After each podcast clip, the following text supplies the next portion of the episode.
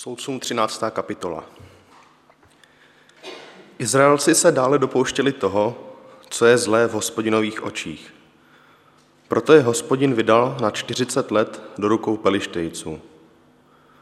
Byl jeden muž ze Sodé, z danovské či ledi jménem Manoach. Jeho žena byla neplodná a nerodila. I ukázal se té ženě hospodinu v posel a řekl jí, hle, ty jsi neplodná, nerodila jsi, avšak otěhotníš a porodíš syna. Proto se teď měj na pozoru, nepí víno ani opojný nápoj a nejes nic nečistého. Hle, otěhotníš a porodíš syna, ale jeho hlavy se nesmí dotknout břitva. Ten chlapec bude od mateřského života boží zasvěcenec. On začne vysvobozovat Izraele z rukou pelištejců. Žena přišla povědět svému muži. Přišel ke mně muž boží, vypadal jako boží posel, tak byl hrozný. Ani jsem se ho nezeptala, odkud je, a on mi své jméno nepověděl. Řekl mi, hle, otěhotníš a porodíš syna. Nepí teď víno ani opojný nápoj a nejes nic nečistého, protože ten chlapec bude od mateřského života až do dne své smrti boží zasvěcenec. Manoach prosil hospodina, dovol prosím panovníku, neď k nám znovu přijde muž boží, kterého jsi poslal a poučí nás, co máme dělat s chlapcem, který se má narodit. Bůh Manoacha vyslyšel a boží posel přišel znovu k té ženě, právě když seděla na poli a její muž Manoach nebyl s ní. Žena rychle běžela povědět o tom svému muži. Řekla mu, ukázal se mi ten muž, který ke mně onehdy přišel.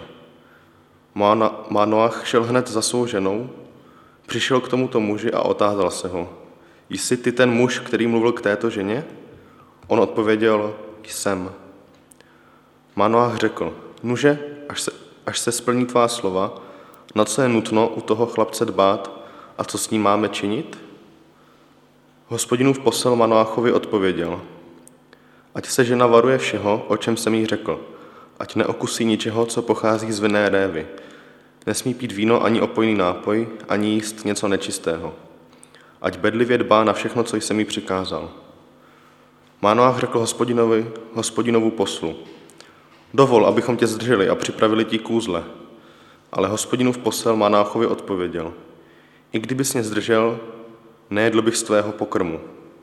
Chceš-li však připravit zápalnou oběť, obětuji hospodinu. Manoach totiž nevěděl, že je to posel hospodinův. Manoach se ještě hospodinova posla zeptal, jaké je tvé jméno?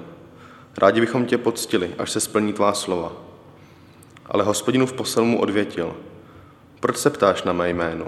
Je podivuhodné. Manoach vzal tedy kůzle a oběť přídavnou a obětoval na té skále hospodinu a ten před Manoachem a jeho ženou učinil podivuhodnou věc.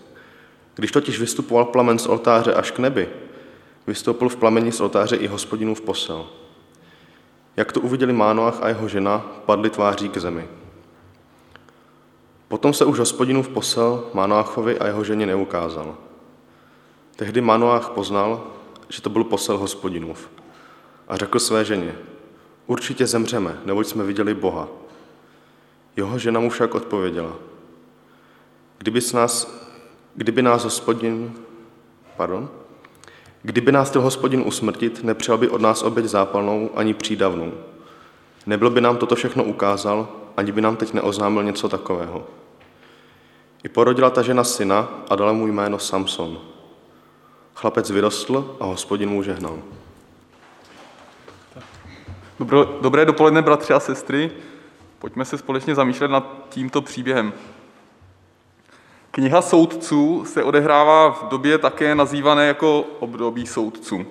Je to historická doba e, v historii Izraele. Pokud bychom období soudců charakterizovali jedním slovem, pak by se jednalo o úpadek, o období úpadku. O jaký úpadek se jednalo, se pokusím vysvětlit. Jedná se o jakési druhé období po vstupu Izraelců do zaslíbené země, tedy území dnešního Izraele a Palestiny. Prvním obdobím bylo období Jozua, který byl Mojžíšovým nástupcem ve vedení. Izraelci pod vedením Jozua eh, vstoupili do té zaslíbené země Izraele, vyhráli, vedli a vyhráli množství válek s tehdejšími místními obyvateli toho území a dobili množství měst. Za Jozua měli tedy mnoho úspěchů, na rozdíl od období soudců. Období soudců asi nejvýstižněji charakterizuje desátý verš ze druhé kapitoly této knihy, která je k ní zároveň jakýmsi úvodem. Čteme. Též celé ono pokolení, myšleno pokolení za Jozua, se odebralo ke svým otcům. Po nich nastoupilo jiné pokolení, které neznalo hospodina ani jeho dílo, jež pro Izraele vykonal. Izraelci se dopouštěli toho, co je zlé v hospodinových očích a sloužili bálům. Tento verš nám říká, že nastoupila nová generace, která hospodina neznala a ani to, co pro ně udělal, a která sloužila bohům okolních národů, ne hospodinu.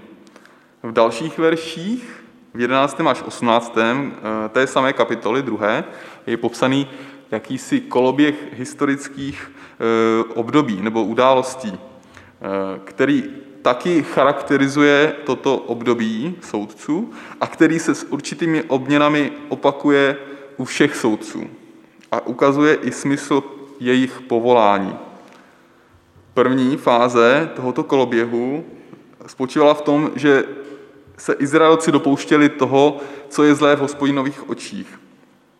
Druhá fáze, hospodin vydává Izraelce do rukou některého z okolních nepřátelských národů, aby si je zotročili, anebo jiným způsobem vykořišťovali. Za třetí, Izraelci jsou zoufalí a obrací se k hospodinu, aby je zachránil. A za čtvrté, další událost, hospodin povolává některého ze soudců, který bojuje s nepřátelským národem a vysvobozuje židovský národ z útlaku. Konečně za páté nastává období míru, během kterého ten soudce soudí a ale během kterého zpravidla po jeho smrti, po soudcově smrti se Izraelci znovu odvrací od hospodina a dostáváme se k bodu jedna. Tento koloběh se do jisté míry opakuje u všech soudců. S každým z nich jako by se opakoval takový malý příběh o osvobození eh, izraelského národa z otroctví, jak to známe v případě slavného příběhu o vysvobození z Egypta. Těch soudců bylo konkrétně 12 a nastupovali po sobě. Nebyli ve stejný čas. Jen pro upřesnění, soudce tehdy byla trochu jiná funkce, jak už jsme pochopili, než dneska. Jako dnes i tenkrát měli soudit a rozsuzovat spory, ale taky to byli vojevůdci, kteří vedli do bitev. Když budeme pokračovat ještě v druhé kapitole, tak verš 19 nám taky říká jednu důležitou informaci – Čteme. Po soudcové smrti si však opět počínali hůře než jejich otcové. Chodili za jinými bohy, sloužili jim a klaněli se jim. Nevzdali se svých způsobů ani svého zatvrzelého počínání. Nejedná se tedy o jednorázový úpadek. Píše se tu, že s každou generací si Izraelci počínali hůře než jejich otcové. Tedy jednalo se o proces úpadku, který pokračoval a zhoršoval se s každou generací. Každá generace byla horší než ta předchozí. Tento úpadek náboženský, tedy to, že sloužili jiným bohům než hospodinu, šel v ruku v ruce i s morálním úpadkem. O tom se můžeme dočíst e, taky, a to nej, nejvíce v posledních pěti kapitolách knihy soudců, ve kterých je popsáno, že izraelské kmeny začaly bojovat i mezi sebou. Ale i další a horší věci se tu děly. Když to schrnu, úpadek, dekadence, morální rozklad, bratrovražedné boje bylo to, co provázelo tehdejší izraelský národ v době po smrti Jozua po řadu generací. Nyní konečně k vlastnímu příběhu, který jsme dneska četli. Podívejme se blíž na náš oddíl, chvíli před povoláním Samsona, i v tomto případě se zmíněný koloběh opakuje, ale je tu více rozdílů. Prvním rozdílem je délka. Délka útlaku před povoláním soudce Samsona, který byl posledním, je ze všech zaznamenaných nejdelší. Jedná se o 40 let, tedy o celé dvě generace. Když se zamyslíme, eh, nebo když si postavíme vedle sebe, jak byli ty soudci, když, se, když si přečteme ty jejich příběhy, zjistíme, že, že na začátku byla krátká doba soužení a potom dlouhá doba toho míru, který, eh, který eh, vlastně začal skrz to působení toho soudce. A na začátku. A postupně se tato doba soužení prodlužovala a doba toho míru zkracovala. A tak čteme, že vlastně za Samsona, který byl z těch soudců poslední, tak byla nejdelší. Jedná se o celých 40 let, jak už jsem řekl. Tak já si to s dovolením sundám, protože mi padá. Tak. Ten druhý rozdíl je, že tu chybí zmínka, že by prosili Boha o pomoc. Stejně jako v minulých příbězích, i zde se opakuje větička, že se Izraelci dopouštěli zlého, ale už se nedočteme, i úpěli Izraelci k hospodinu. Proč v tomto případě neprosí? Jsou už tak zdeptaní a přesto neprosí. Ale má smysl se zeptat možná trochu jinak. Proč Bůh posílá pomoc ve chvíli, kdy nikdo neprosí? Bůh totiž o ně měl péči. A s vírou můžeme říci, že i o nás má péči. Taky, když se zamyslíme i nad příběhem, kdy Bůh poslal Ježíše Krista, taky tehdy lidé neprosili, ale potřebovali. Proto se Bůh nad námi slitoval a syna poslal. Samsonovo povolání je tedy oproti příběhům předchozích soudců v těchto ohledech zvláštní. Ve chvíli, kdy je situace za doby soudců asi nejzoufalejší, v tuto chvíli Bůh posílá svého posla a tím se sílá i naději, a to aniž by čekal na volání Izraelců o pomoc. Jméno Samson znamená slunce a zní to velmi význačně. Bůh povolává vysvoboditele slunce, nebo Bůh dává vzejít slunci nad 40-letou dobou tehdejšího temna. Pojďme se ale nyní podívat na příběh setkání božího posla s budoucími rodiči Samsona. Boží posel se s nimi setkává dvakrát. Při prvním setkání se nejprve vidí s budoucí matkou a sděluje jí, co se stane a říká jí, co má dělat. Hle, jsi neplodná, avšak otěhotníš a porodíš syna. Proto se teď měj na pozoru. Nepij víno ani opojný nápoj a nejsi nic nečistého. Hle, otěhotníš a porodíš syna, ale jeho hlavy se nesmí dotknout břitva. Ten chlapec bude od mateřského života boží zasvěcenec. On začne vysvobozovat Izraele z rukou pelištejců. Takže anděl říká, že Samson bude boží zasvěcenec. V jiném překladu se říká nazír, čím se odkazuje na čtvrtou Mojžíšovu. Jednalo se, jak už je řečeno, o, o slib zasvěcení se Bohu, popsaný v této čtvrté Mojžíšově. A v, tom, v případě toho slibu se mělo jednat o několik měsíců nebo let, ale v případě Samsona se jednalo o celý jeho život.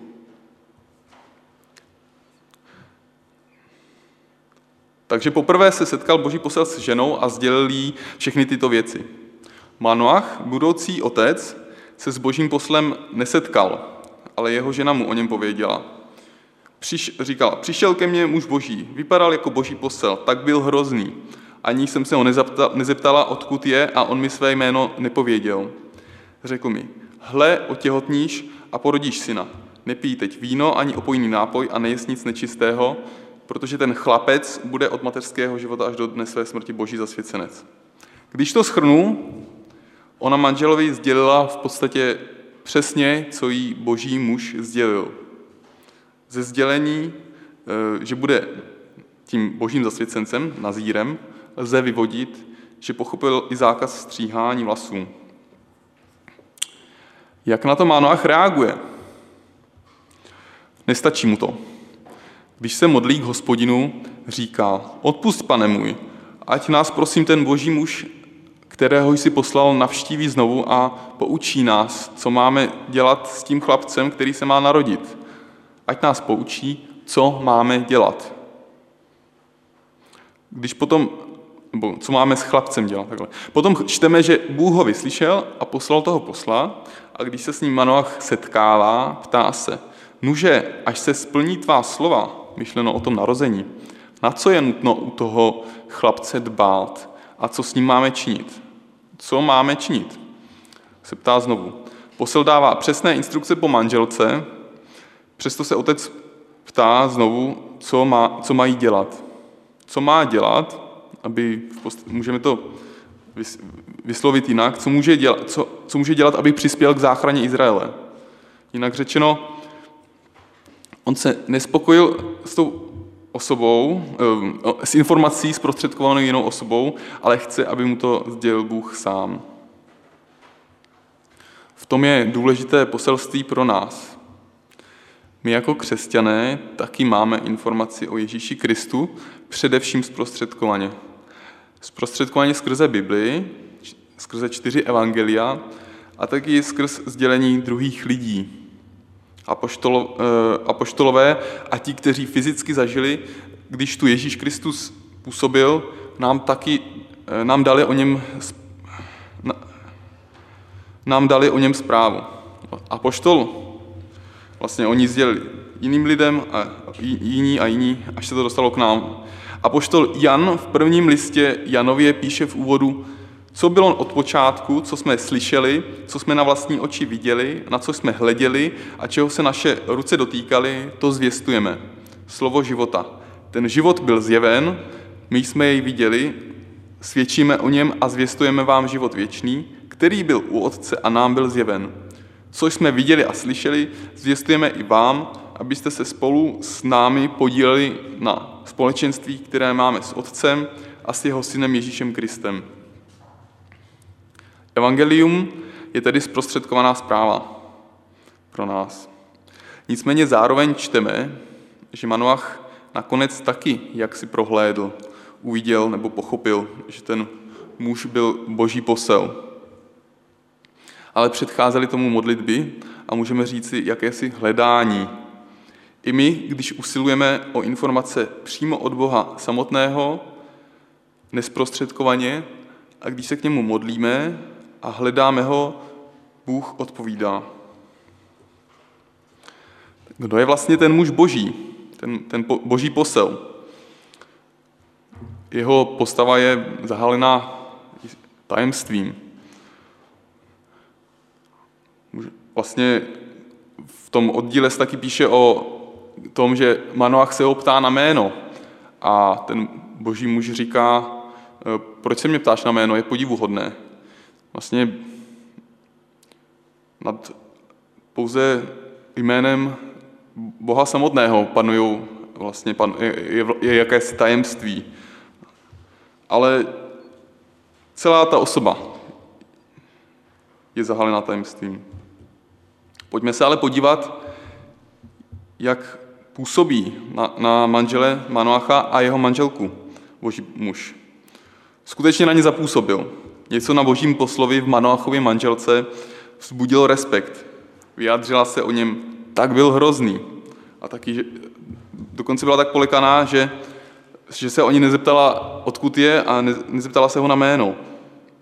Na rozdíl od ní o samotném Manoachovi je psané v 16. verši, Manoach totiž nevěděl, že je to boží posel. Nějak ho nějak nepoznával jednu chvíli říká poslovi, dovol, abychom tě zdrželi a připravili ti kůzle. Ale hospodin v posel Manoachovi odpověděl, i kdybys mě zdržel, nejedl bych z tvého pokrmu. Chceš-li však připravit zápalnou oběť, obětuj ji hospodinu. Manoach totiž nevěděl, že je to posel hospodinův, jak už jsme četli. Ta věta, i kdybys mě zdržel, nejedl bych z tvého pokrmu, je poměrně obtížně pochopitelná, zní poněkud neslušně, že odmítá pohoštění, ale určitě to posel neříká jen tak. Myslím, že důvod odmítnutí je to, co jsme si říkali už. Manoach totiž nevěděl, že je to posel hospodinův. Manoach vidí nějakého muže, ale neví, nebo bychom mohli říct, nevěří, že je to boží posel. Na základě pobídnutí Manoach obětuje zápalnou oběť. Co znamená zápalná oběť, ke které boží posel Manoacha vybídl? Zvíře určené k zápalné oběti bylo obětované celé, na rozdíl od jiných druhů obětí, proto se tato oběť taky nazývala jako celopalná. Její význam spočíval v tom, že obětující se jaksi, jakoby celé odevzdává Bohu. Vydává se mu celé. Usiluje o zalíbení se Bohu. Před samotnou obětí obětující vložil ruce na hlavu zvířete a v tom je taky symbolika. Symbolika prozby za odpuštění hříchů. Když to tady schrnu, celé odevzdání se a prozby za odpuštění. Nebo celé odevzdání se, snaha zalíbit se Bohu, snaha zalíbit se celým svým životem, celé se mu vložit do rukou a, a tyto prozby za odpuštění hříchů. Tak, přídam, potom je psané, že obětoval i takzvanou přídavnou oběť, nebo to se nazývá také jako pokojná a je symbolem poděkování. V tom je významná symbolika. Manoach se s těmito dvěma oběťmi, Manoach se se zápalnou obětí vydává celé hospodinu. Můžeme to srovnat v podstatě tak jako Samson, jeho syn budoucí, co by Nazír bude celé odevzdán hospodinu, tak současně i Manoach se v tuto chvíli odevzdává hospodinu a současně, když hospodin děkuje skrze tu oběť přídavnou, tak teprve v tuto chvíli se mu Bůh nebo posel hospodinův dává poznat. A teprve Manoach v, tu, v tuto chvíli eh, jak si prozře.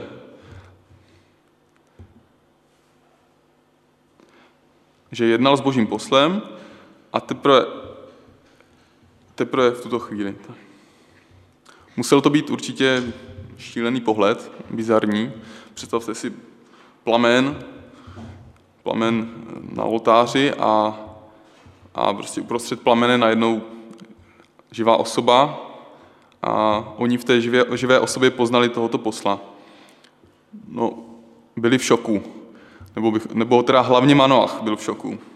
On najednou hrozně panikaří. Určitě zemřeme, protože jsme viděli Boha. Najednou dostává hrozný strach. Moc dobře ví z Mojžíšova zákona, že kdo by uviděl Boha, ten by neobstál před boží svatostí a musel by zemřít. Uklidnila ho teprve jeho manželka. Kdyby nás chtěl usmrtit, nepřijal by od nás oběť zápalnou a přídavnou, nebyl by nám toto všechno ukázal, ani by nám teď neoznámil něco takového.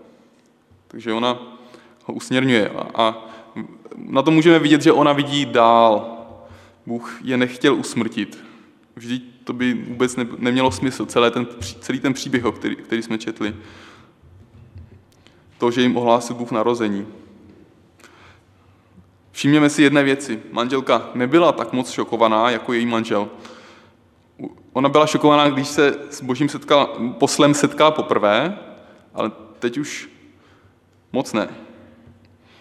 Ale ze setkání, ale setkání u obou, setkání s Bohem, vzbudilo v určitý moment bázeň až strach před Bohem.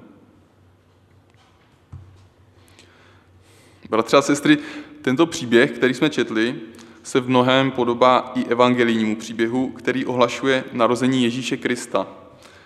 Jednak zjevení božího anděla nebo posla, to, že byla oslovena žena, budoucí matka, i to, že se jedná o příběh záchrany z otroctví. Samson vysvobodil tehdejší lid ze 40-leté otročiny. Ježíš Kristus osvobodil všechny, kdo věří, i nás. Vysvobozuje, li, vysvobozuje lidi ze všech národů i ze všech historických dob. Vysvobozuje z otroctví hříchu. Jakým způsobem nás osvobodil? Totiž svojí obětí. On se obětoval za nás na kříži. Ježíšova oběť je vlastně také tou zápalnou obětí. Jenže on se jí stal doslova. Celé se, v ní odev, celé se odevzdal hospodinu a obětoval se a obětoval se za, za odpuštění hříchů našich. Díky této Kristově oběti můžeme vidět Boha a nezemřít. Díky Kristově totálnímu odevzdání se Bohu i my můžeme žít život odevzdaný Bohu. My stejně jako, nebo četli jsme, že Manoach se ptal, co mají dělat. A v podstatě na to nedostává odpověď jenom pouze tu oběť. Takže my vlastně stejně jako Manoch nemůžeme nic přidat k té záchraně. Všechno už udělal Bůh. To, k čemu jsme vybídnutí a jediné, co můžeme a vlastně musíme, je se odevzat Bohu. Podobně jako Manoach a především podobně jako Ježíš Kristus. Manoach nemohl udělat nic, aby přispěl k záchraně svého národa, pouze aby obětoval tu zápalnou oběť. Říkal jsem, že ruku v ruce s morálním úpadkem šel náboženství. Ruku v ruce s morálním otroctvím, tedy otroctvím různým neřestem a zvrácenostem a nemorálnostem, šlo o náboženské, šlo o náboženské otroctví, tedy modloslužba jiným modlám. Manoach byl vybídnutý v příběhu k tomu, aby provedl zápalnou oběť, aby obětoval hospodinu. Tedy nejednalo se už o modloslužbu, ale o, ale o bohoslužbu právě Bohu.